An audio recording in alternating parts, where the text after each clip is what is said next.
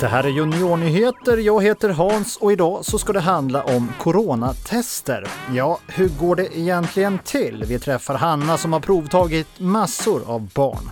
Det handlar om smutsiga skärbrädor, om världens största forsknings och tekniktävling för barn och hur elever i Strandnäs skola har fått många nya nordiska vänner den här veckan. 1,7 miljoner, ja, nästan så många människor har provtagits för covid-19 i Finland hittills i år.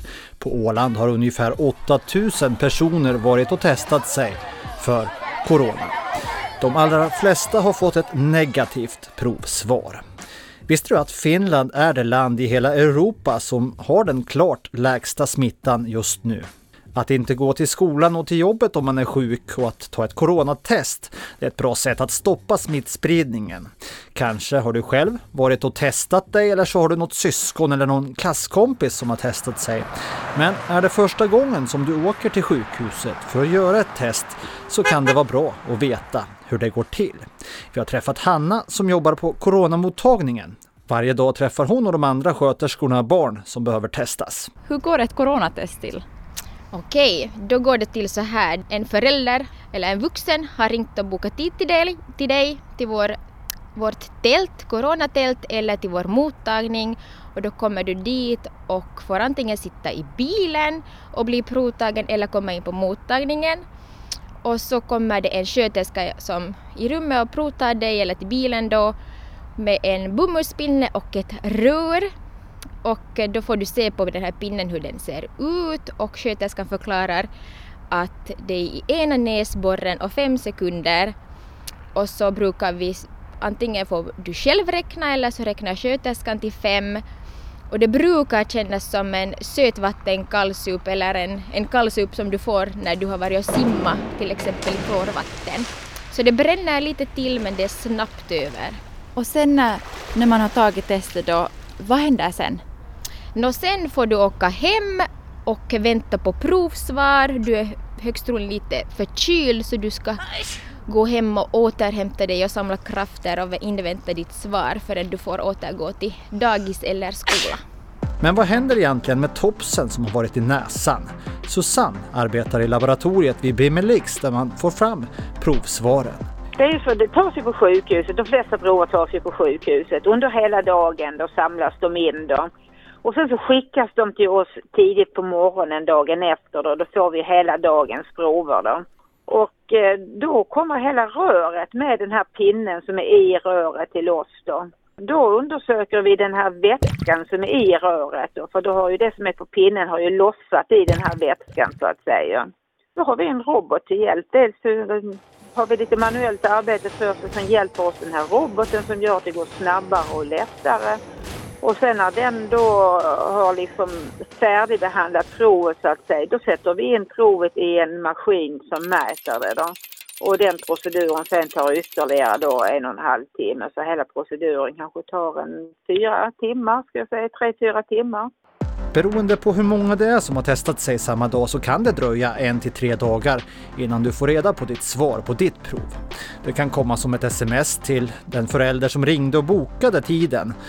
Och är provet negativt så har du inte corona. Då kan du återvända till skolan om du är på bättringsvägen, även om alla symptom inte har gått över helt ännu. Om provet skulle visa på corona så blir ni uppringda på telefon av en läkare som pratar om hur ni ska göra. Då är det viktigt att man undviker att träffa andra människor utanför familjen, särskilt äldre personer som har större risk att bli riktigt sjuka om de får det här viruset. Sen får man vänta tills man är helt frisk.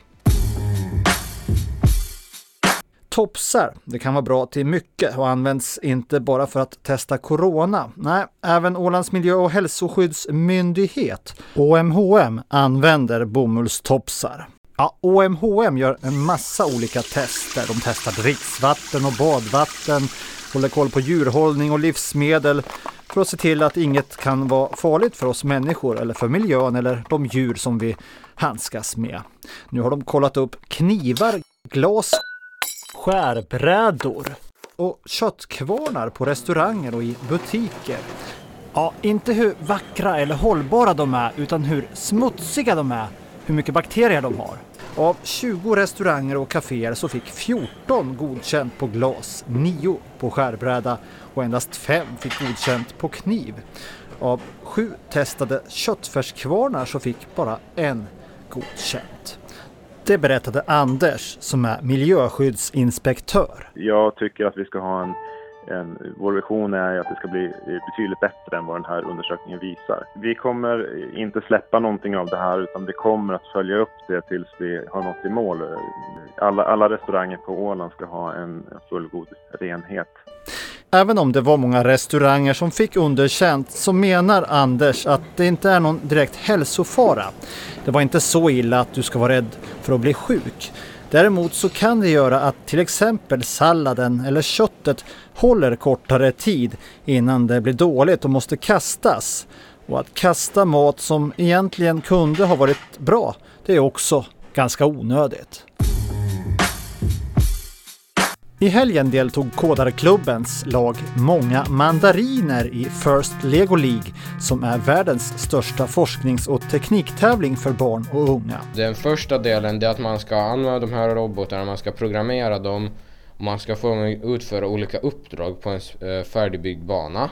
Man ska liksom förklara hur själva roboten, all programmering och sånt är uppbyggd. Man ska komma på ett projekt som har med årets tema att göra i år är det till exempel replay som är att man ska försöka få folk att motionera mera. Och en fjärde är att man ska hålla sig till kärnvärden. Det finns några olika kärnvärden som till exempel skoj och inkluderande och sånt. Att man ska ha kul. Och precis som i fjol så vann det åländska laget deltävlingen och får nu möta de bästa lagen i Skandinavien. Champion 2020 är alla tycker om att bygga lego, många tycker om att programmera och alla är kompisar och det är kul att vara här och träffa varandra och hålla på med det här. Sa Jona Perjo i laget Många Mandariner. Några andra som firade och firades i veckan, det var fotbollslaget Åland United som i helgen blev dubbla finländska mästare. Guld i ligan och guld i kuppen. Jag, jag kan inte tro att det här händer just nu. Det är bara... Jag nästan gråter när domaren visslar. Det är bara otroligt. Jag vet inte om man kan skriva sådana här berättelser eller vem som kommer på det men jag känner mig bara väldigt tacksam och lyckligt lottad att det, att det kunde gå så här sa målvakten Anna Tamminen och tränaren Samuel Fagerholm. I veckan träffade Ålands Radio Ålands största tv-spelssamlare. Han heter Marcus och bor i Lumpaland. Ja, faktum är att han har den tredje största tv-spelssamlingen i Norden. Enligt en brittisk spelvärderare så kan hans samling vara värd över 150 000 euro. Nu funderar Marcus på om han ska sälja sin samling eller om han ska starta ett spelmuseum.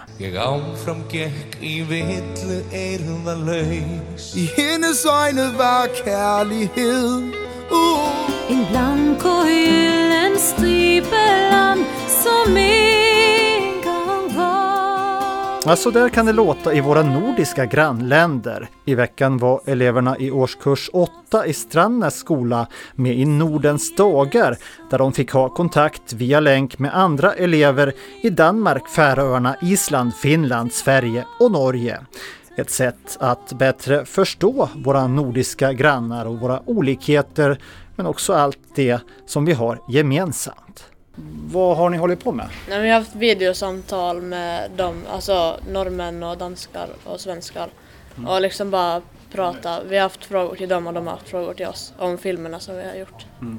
Det är lättare att förstå dem än vad man tror. Man trodde att det, de har haft så här konstig svenska egentligen men det, det, var, det var lätt att förstå.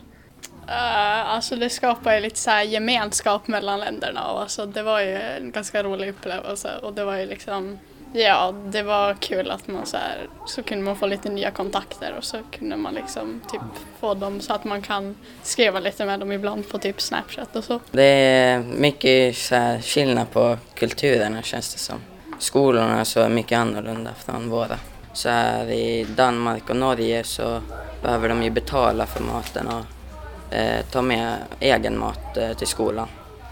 I Sverige var det också så här, de började mycket tidigare i skolan och slutade senare. Juniornyheterna är tillbaka om en vecka.